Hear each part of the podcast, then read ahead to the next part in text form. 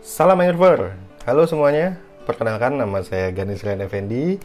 Eh, Saya adalah pemret dari Mangrove Max. Oke, kali ini saya akan membacakan sebuah cerita dan dongeng mangrove yang dikemas dalam bentuk komik ya, komik. Jadi ini saya sambil buka Instagramnya ya. Jadi teman-teman juga nanti setelah mendengarkan ini bisa membuka Instagramnya di @matkesem cerita dan dongeng mangrove yang menyajikan cerita dan dongeng untuk anak-anak di Indonesia dan dunia.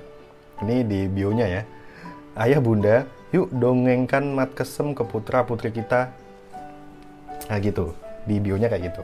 Ada 107 posting di dalam IG ini, jadi saya akan pilih salah satu untuk dibacakan ya. Ya, by the way juga gini ya. Ternyata konsep dari Matkesem ini dia punya dua halaman. Maksudnya kalau di IG kan kita bisa post dalam satu dalam satu feed itu dalam satu postingan bisa lebih dari satu gambar karena ini konsepnya ada dua foto, dua gambar.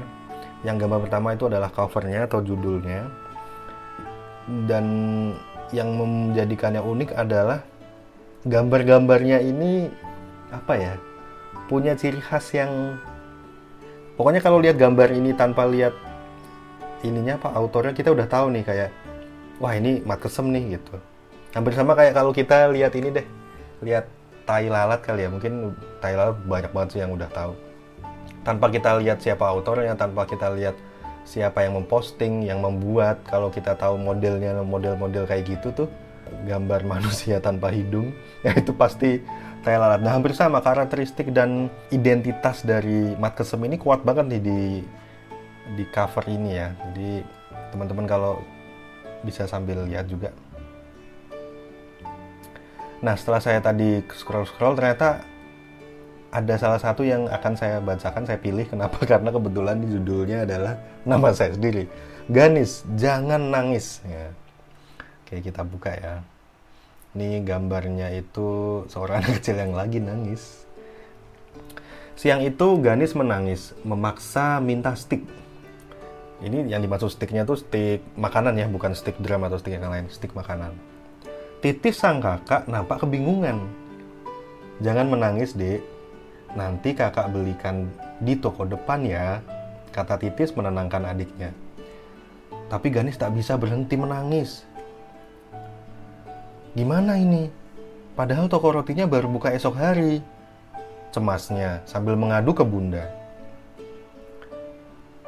Ambil tepung mangrove-nya di kulkas. Kita buat stik mangrove untuk adikmu, kata bunda ke kakaknya mungkin ya. Iya ke kakaknya sih kali ini. Lalu Buddha dan Titis memaksa stik bersama di dapur. Setelah selesai, Titis meminta Ganis untuk mencicipinya. Stiknya enak kak, kata Ganis yang sudah tak menangis lagi. Nah, ada pesan moralnya di sebelah kiri bawah nih. Tak bacakan nih. Buat teman-teman mangcil semua, kita tidak boleh egois dan suka memaksakan kehendak kita kepada orang lain ya. Yuk jadi anak baik Nah, gitu cerita singkatnya dari Matkesem episode Ganis Jangan Menangis. Nah, dari cerita ini aja kita sebenarnya udah bisa membayangkan sih masa depan dari dari Matkesem ini sebenarnya dibuat untuk apa ya?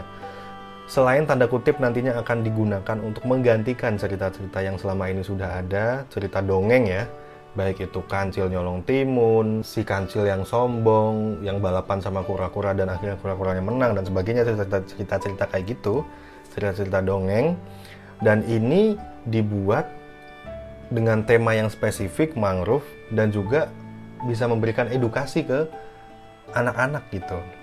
Dari contoh kecil ini aja ya, dari cerita yang tadi saya bacakan, ada satu hal yang bisa kita ambil ilmunya nih dari sini. Anak-anak mungkin akan sadar ya dari dialog ini nih.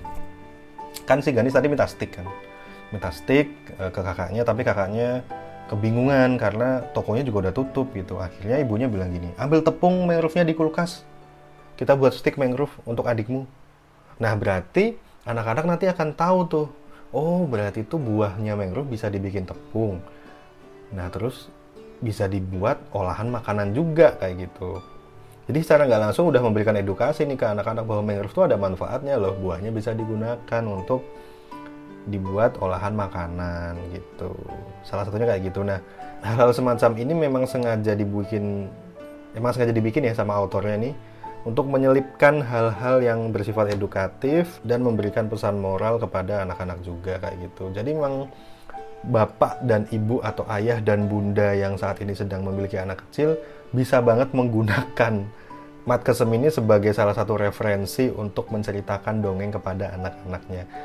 Dan alangkah baiknya kalau misalkan ini disematkan dari kecil dan ditujukan ke anak-anak di sepanjang pesisir kawasan Indonesia saat ini gitu temanya luas ya. Banyak banget di sini yang bisa dipilih maksudnya ya. Jadi ayah dan bunda tuh nggak usah kebingungan lagi aduh mau menceritakan apa nih kepada anak-anak saya nih nanti. Pakai ini aja udah. Ini udah paling paling mudah lah untuk dicerna sama anak-anak. Bahkan ada juga abang-abang ojol di sini ada juga.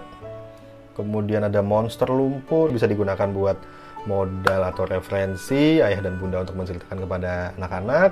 Silahkan dicek IG-nya at, matkesem sampai bertemu lagi di cerita matkesem lainnya. Dadah semangat pengerver